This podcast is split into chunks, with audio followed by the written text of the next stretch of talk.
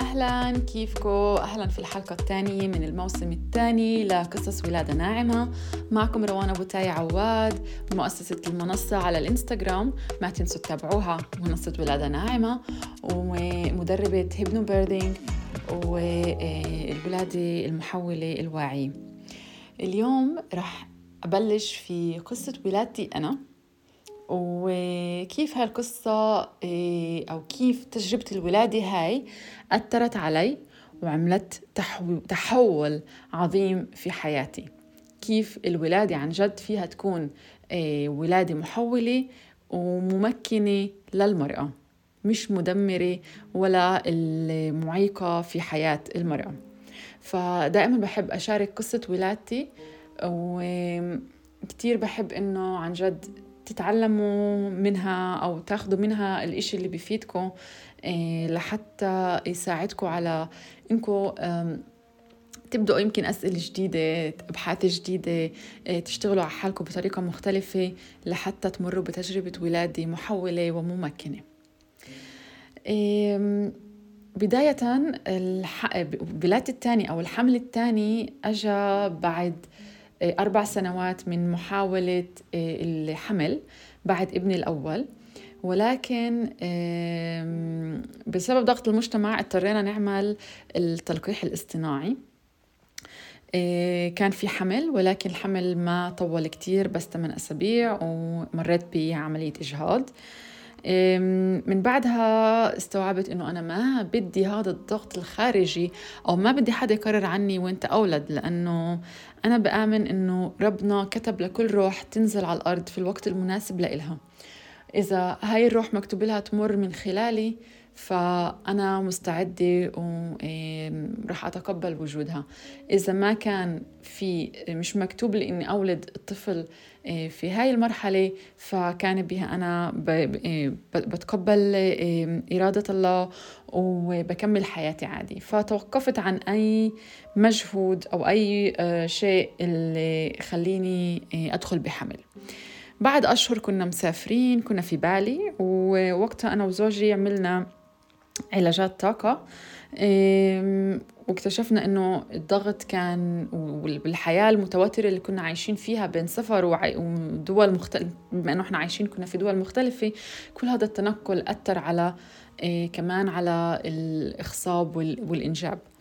فسبحان الله بعد إيه أقل من شهر من عودتنا من بالي دخلت بحمل طبيعي. كان مفاجئ كان مفاجئ لنا ومفاجئ للطبيب نفسه اللي ما صدق أصلا إنه أنا حامل.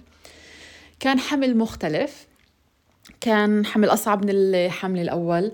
من أوله كنت أنا تعبانة عندي دوخة كان عندي كتير استفراغ. ما يعني ما حسيت أنا بهاي العوارض في حمل الأول. كان حمل جدا خفيف وما حسيت فيه لحتى لحظة الولادة. لكن هذا الحمل كان ثقيل وصعب من بدايته. نفسيتي كانت محطمة كنت عايشة في الغربة. إيه والإشي اللي كان يخوفني أكتر هو إنه الدولة اللي أنا عايشة فيها إيه نسبة الولادات القيصرية مرتفعة جدا. فنصحوني إني أروح على مستشفى خاص مش مستشفى عام لأنه المستشفيات العامة سيئة جدا. فتوجهت لمستشفى خاص. اللي خلال الحمل شوي شوي بلشت أسمع من نساء ولدوا عنده إنه نسبة الولادات القيصرية عنده مرتفعة لدرجة واحدة بتحكي لي إنه آه، ولا فاتت على الولادة آه، كان كل شيء طبيعي ولكن قرر إنه يستعجل الولادة ويولدها بشكل قيصري لأنه تاني يوم هو مسافر فأنا وقتها استوعبت إنه oops أنا ما بدي هذا ما بدي هاي التجربة لا أنا بدي ولادة طبيعية. فبالشهر الثالث كنت تعرفت على أم بمدرسة ابني وحكت لي عن ال hypnobirthing وهي كانت أول شخص صراحة بحكي لها إني حامل. فحكت لي إنه هي بتدرب هذا الموضوع. وإذا عندي أي سؤال وإذا حابة أتعرف عليه أكتر أحكي معهم فسبحان آه، الله كيف ربنا بحط الأشخاص الصح في الوقت الصح في طريقنا. لما عنا لما حاطين نية بقلب صادق إنه إحنا بدنا نولد بشكل طبيعي وبأفضل الاحتمالات. فسبحان الله كمان إنه قبل شهرين من الولادة آه، قررنا بسبب شغل زوجي إنه ننتقل لدولة أخرى. ف الإشي الأسهل إنه في هاي الدولة كنت أعرف ناس أكتر فطلبت إنهم يساعدوني أعين عند طبيب أو ألاقي مستشفى. إيه، فلقينا مركز ولادة اللي عنده غرفة ولادة في المي. فكان إنه واو سبحان الله إنه خلص الأشياء بلشت تترتب بالشكل الصحيح بالرغم من حمل صعب وعن جد نفسية كانت محطمة خلال هذا الحمل. فلما انتقلنا لهناك بدأت رحلة جديدة. فآخر شهرين من الحمل كانوا مختلفات كليا. كنت أتدرب hypnobirthing إيه، كنت بمتابعة أسبوعية مع قابلة. القابلة هاي كانت جدا إيه، مرحبة بال hypnobirthing ومرحبة بالولادة الطبيعية وكانت تدعمني بشكل رهيب ومع بعض عملنا خطة ولادة إيه، رائعة. فكانت أول تعرف لإلي على شو يعني خطة ولادة؟ قديش مهمة خطة الولادة؟ ف بما إنه كان إصراري إني أولد بشكل طبيعي بدون أي أدوية بدون أي تدخلات وكان بدي يعطوني مساحتي طلبت مني الدكتور القابلي سوري إنه أحكي مع الدكتور المرافق وهو اللي راح يكون معي خلال ولادي بما إنه كمان هو متخصص قيصري وبحب كتير القيصري بشكل رهيب قالت لي شو رأيك نروح نحكي معه وتحكي له أنت كيف حابة تكون ولادتك؟ فتوجهنا له رحنا أنا والقابلة وحكيت له اسمع دكتور أنا عم بتدرب هبنو بيردينج كتير مرتاحة مع موضوع الولادة مش خايفة حابة إن أولد بشكل طبيعي حتى فقط في الحالات الطارئة جدا بطلب إنكم تتدخلوا وتولدوني قيصري ولكن اتركوني أولد بشكل طبيعي حسب جسمي كيف بيطلب. وطلبت منه إنه ما تتدخل إلا عن جد إذا صار شك أي شيء سيء لا سمح الله إلي أو لطفلي أي شيء بهدد حياتنا إحنا التنين. كنت كتير صريحة معاه على بالطريقة اللي أنا على الطريقة اللي أنا بدي أولد فيها إني بدي أولد في المي وأنا بطلب إنه يكون في هدوء وإنه أنا بدي أكون مرتاحة في خلال ولادتي وما بدي كتير تدخلات أو فحوصات داخلية كل الوقت وهيك. حكيت له بالضبط شو أنا عن جد معنية إنه يكون. حكيت له يمكن قصة الولادة اللي كنت أنا متخيلتها واللي بعدين عن جد صارت. ف تحضير للولادة المسبق التأملات الاسترخاءات اللي كنت أعملها التوكيدات كنت أنام وأسمع توكيدات كمان أو تأملات حسب شو كان مزاجي بهذاك النهار. أحضر ال ال الكورسات أشارك جوزي. فكنا إحنا التنين مهيئين كيف بدي أولد. وزوجي هاي المرة كان كتير متقبل الأفكار الجديدة اللي أنا عم بطرحها. لأنه في ولادة ابني الأول إحنا ما حسينا فعلا بالولادة. يعني أنا ولدت بشكل طبيعي ولكن كل شيء كان هيك متوتر ومضغوط ومستشفى بارد و... وكل شيء يقولوا لي كنت أقول لهم آه آه آه فأعطوني أبيدورال ما تحملتش الوجع ما كان في هاي العلاقة القريبة بيني وبين زوجي. كانت أنا هاي مهمتك أنت أنت بتولدي. والكل عم بيستناني برا فكان في توتر يعني لأبعد الحدود. فهالمرة حس حكيت له أنا بدي أولد بأكتر طريقة مريحة لنكون مع بعض فيها ونمر بتجربة محولة إلنا التنين. فاللي صار إنه كمان هو تقبل كل الأفكار وكنا نتمرن مع بعض و... وفاهم شو هو بده يصير. فكمان هو كنت أشاركه بالسيناريو اللي أنا حابة إنه يصير. و... والإشي عن جد آه، كتير بفيد لتقوية العلاقة بين الزوجين. وحتى لما رحنا نكتب خطة الولادة ننهيها مع القابلة كان موجود معي واستمع لأسئلة يمكن لأول مرة بفكر فيها ولكن آه، فادته إنه يفكر أكتر معي كيف أو يتخيل معي كيف الولادة بدها تكون. إيه، يوم الولادة أول شيء أنا كنت أمشي كتير. صراحة كنا ناكلين على بيت جديد فكان لازم أروح كتير على إيكيا أبدل شغلات وأشتري شغلات وتعرفوا أغراض مطبخ وقيمة وحط. فكنت أمشي كتير. يمكن إيكيا ست مرات بآخر أسبوع قبل الولادة زرته فكنت إيه، دائمة الحركة والتحضير والترتيب. إيه وكانوا عم بيعملوا ترميم داخل البيت. يعني إحنا كنا ناكلين على بيت جديد ومش جاهز. والبيت جهز وغرفة نوم والحمام جهزوا في اليوم اللي روحت فيه من المستشفى. فتخيلوا كمان نوع التوتر اللي كان خلال النهار. ولكن بالليل كان مهم لإلي إني أسترخي أعطي هذا الوقت لنفسي أقعد في حمام مي دافية أسمع موسيقى أضوي شمعة. كان مهم أعطي لنفسي هذا الوقت. اللي هو بيرخيني بيخليني أسترخي أكتر تحضيرا للولادة. في الليل حسيت إنه في إشي عم يتحرك إنه رح أولد بكرة كان في شعور زي هيك. إيه ليه حسيت هيك؟ لأنه قبل بيوم أو قبل بالضبط بالضبط قبل بيوم عملت علاج أستيوباتي لظهري. كان عندي أوجاع رهيبة خلال الحمل في أسفل الظهر.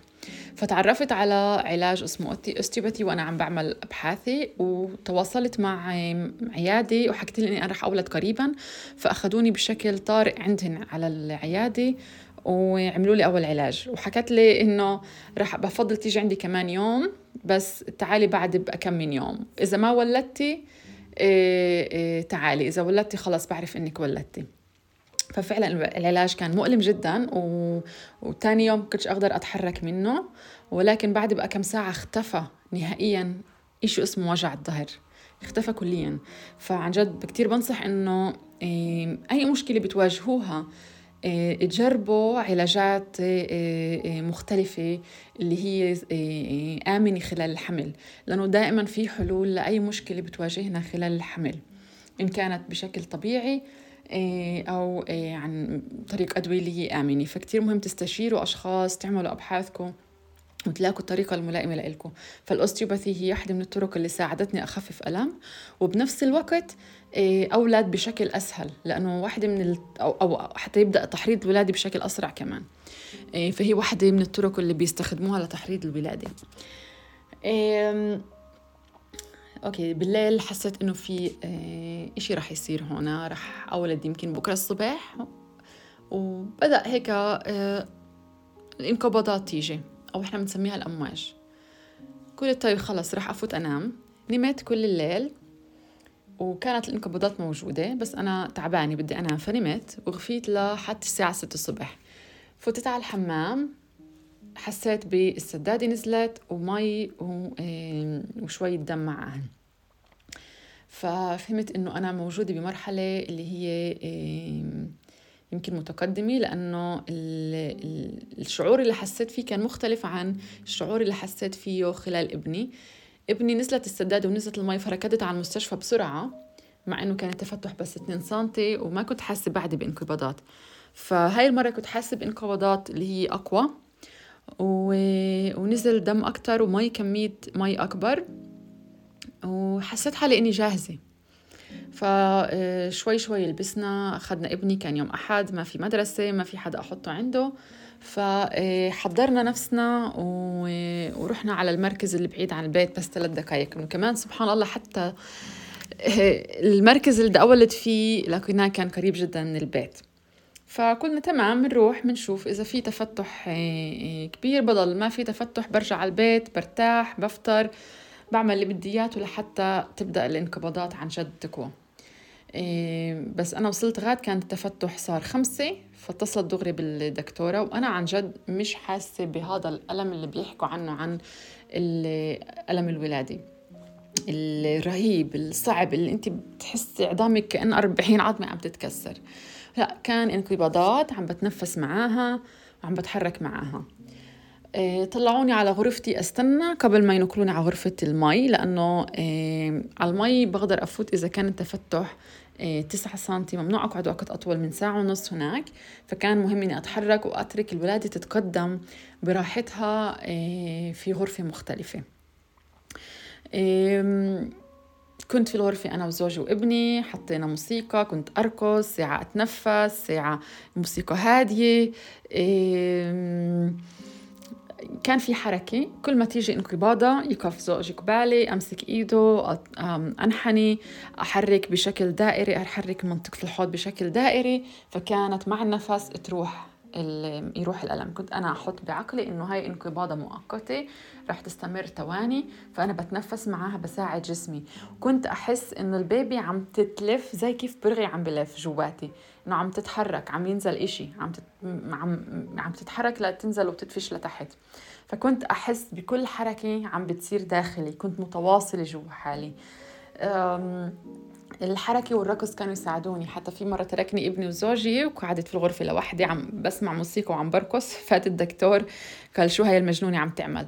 طلب مني أتمدد حتى يفحص إذا تقدمت الولادة أو لا. تقدمت ل... كانت متقدمة كأنه سبعة أو ثمانية وطلب إني أنزل على غرفة آه، البركة.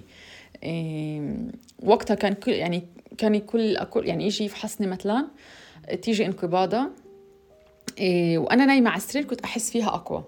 فكنت أطلب منه إنه ما بدي أنام خلص اتركني خليني أتحرك. ف وإحنا بالمصعد قاعد واقفين عم ننزل على غرفة البركة. أجت انقباضة جدا قوية حط إيده على بطني بكل هاي انقباضة قوية. إحنا عم نتقدم بتطلع علي أنا عم بتنفس بكل هدوء وبكل راحة. وهو مستغرب إنه يمكن مش متعود يشوف نساء بهاي الراحة عم تولد بهاي الطريقة. إنه عن جد كنت عم بتنفس والتنفس وال... وال... والنفس والراحة اللي كنت فيها كانوا عم بخففوا من الألم وعم بيساعدوني إني أتقدم بشكل أسرع وأريح يساعدوا جسمي عن جد إنه يتقدم بشكل سريع ورهيب. ضليتني في غرفة الولادة أتحرك كنت أقعد في المي بس شوي عشان المي الدافية تخفف الألم.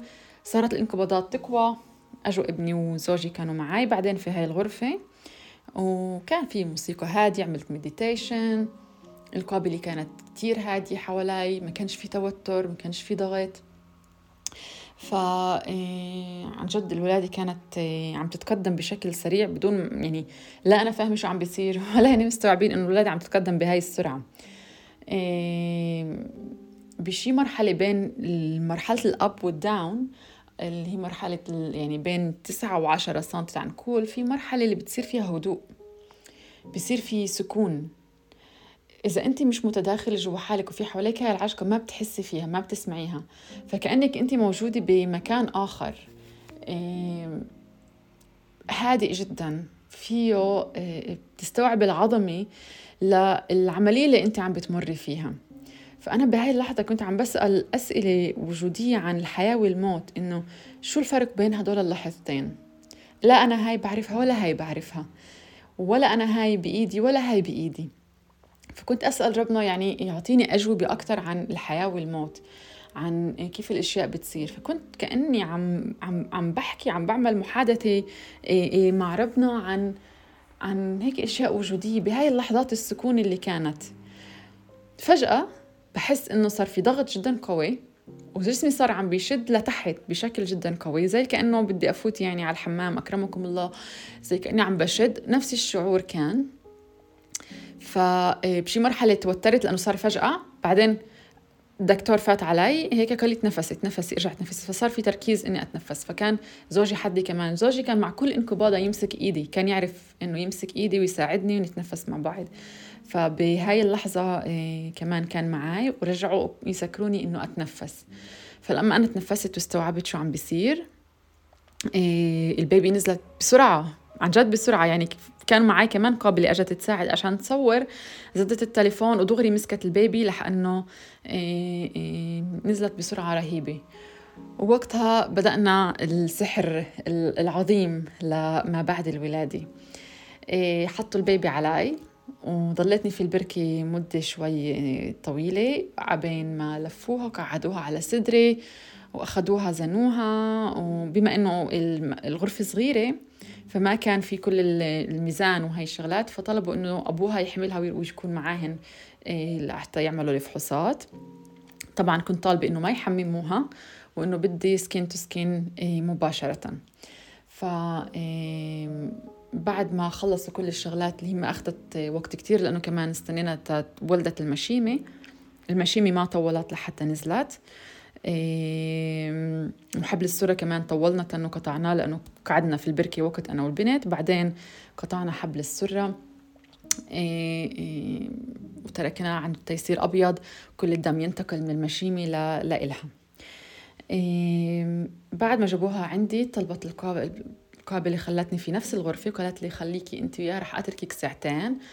تضلكم مع بعض skin to skin وتناموا وترتاحوا. فكنت حاملتها ومش مصدقة إني حاملتها كان شعور جدا عظيم. ما حسيته مع ابني الأول لأنه أخذوا ابني مني مباشرة ونقلوني على غرفة الولاء غرفتي الثانية وغفيت لتاني يوم الصبح ما شفته تاني يعني آه، كتير ساعات. فكان شعور جدا غريب لإلي آه، إني ما أشوف ابني في أول لحظات ولادته. فمع بنتي هاي طلبت إنه تكون معي كل الوقت.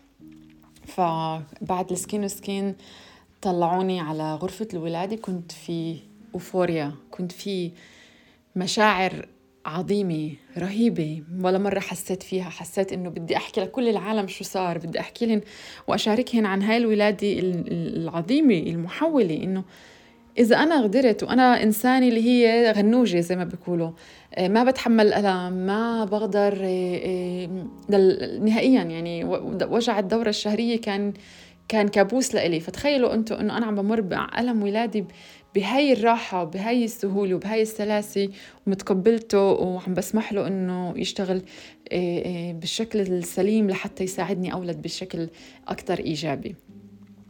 ف من وقتها طلعت رسالة ولادة ناعمة. ولدت مع ولادة بنتي. و... وبعدها آه، طلبوا طبعا إنه البنت تكون معي فإحنا كنا ثلاث أيام موجودين في المستشفى آه، في مركز الولادة لأنه البيت كانوا بعدين عم بيرمموا فيه والمركز طبعا كان خاص. ف آه، بقدر أقعد المدة اللي بدي إياها. بس كنت جدا بحاجتها صراحة. يعني ما كنت بدي أرجع على البيت وفي حوالي كتير أشخاص. إيه، الحلو إنه أهلي وصلوا لعندي تاني يوم الصبح وكانوا مع ابني. فكانوا يجوا عندي على المستشفى يطلوا علي ويرجعوا. وكان مريح لإلي إنه عن جد ما في زيارات ما في كتير ناس رايحة جاي لعندي. كان وقت لإلي ولإلها. كنت أقعد أصفن فيها مش عم بستوعب المعجزة هاي اللي اللي, اللي مريت فيها. وكنت أتعرف يعني وصلت على البيت أنا عارفة بنتي منيح متعرفة عليها كيف بتنام كيف بدها أعبطها إيه، حركاتها إيه، كان وقت خاص لإلي ولإلها إيه، في هاي الثلاث أيام اللي كنا فيهن لوحدنا. و... والبنت عن جد ما كانت تبكي كتير فكانوا بالمستشفى يحكوا لي إنه غريب يعني ما بنشوف كتير اطفال هالقد هادين كانت كتير ريلاكس كان وجهها فيه نوع من الثقة. يعني تطلع بعيونها تحكي لي ماما ما تخافي. أنا بعرف شو بده يصير. أنا عارفة كل شيء اتركيني آه، أكبر وأنمو وما تخافي علي.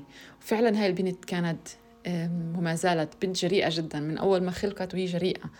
يعني ما بتخاف بتحب تجرب بتحب تغامر إيه، بتحب تستكشف ذكية جدا.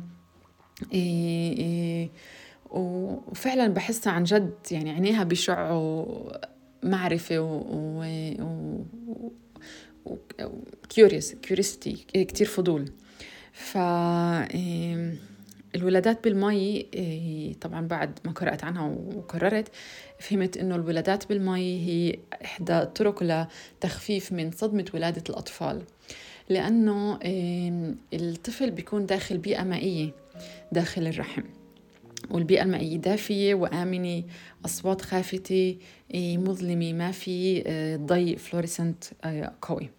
فلما بولد الطفل في غرفة ولادة اللي هي عادية باردة مع إضاءة بيضاء مع كتير أشخاص إيه، بيقطعوا عنه حبل السرة اللي كان متعود إنه ياخذ منه الغذاء والأكسجين فجأة بطل موجود يتنفس من أنفه من رئتين. إيه، هاي كمان صدمة. هاي صدمة يمكن أكبر صدمة بمر فيها الإنسان خلال حياته.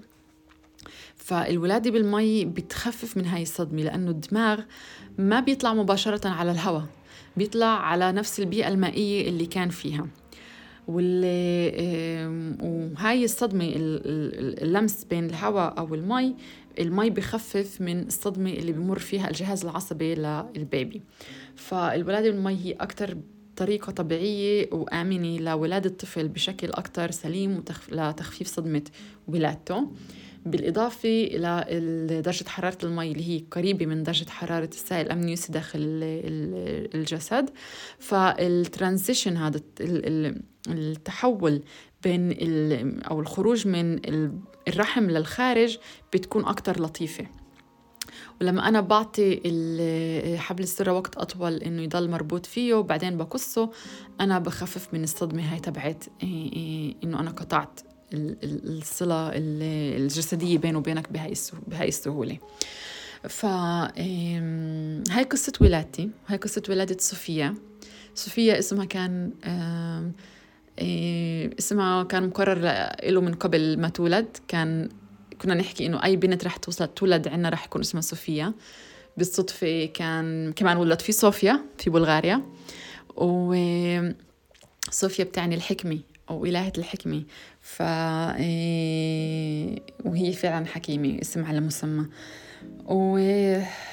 وهي هي القصة اللي بدأت فيها ولادة ناعمة وبدأ فيها هذا البودكاست. إيه بعرف في كتير تفاصيل يمكن ما حكيتها بس هذا باختصار شديد.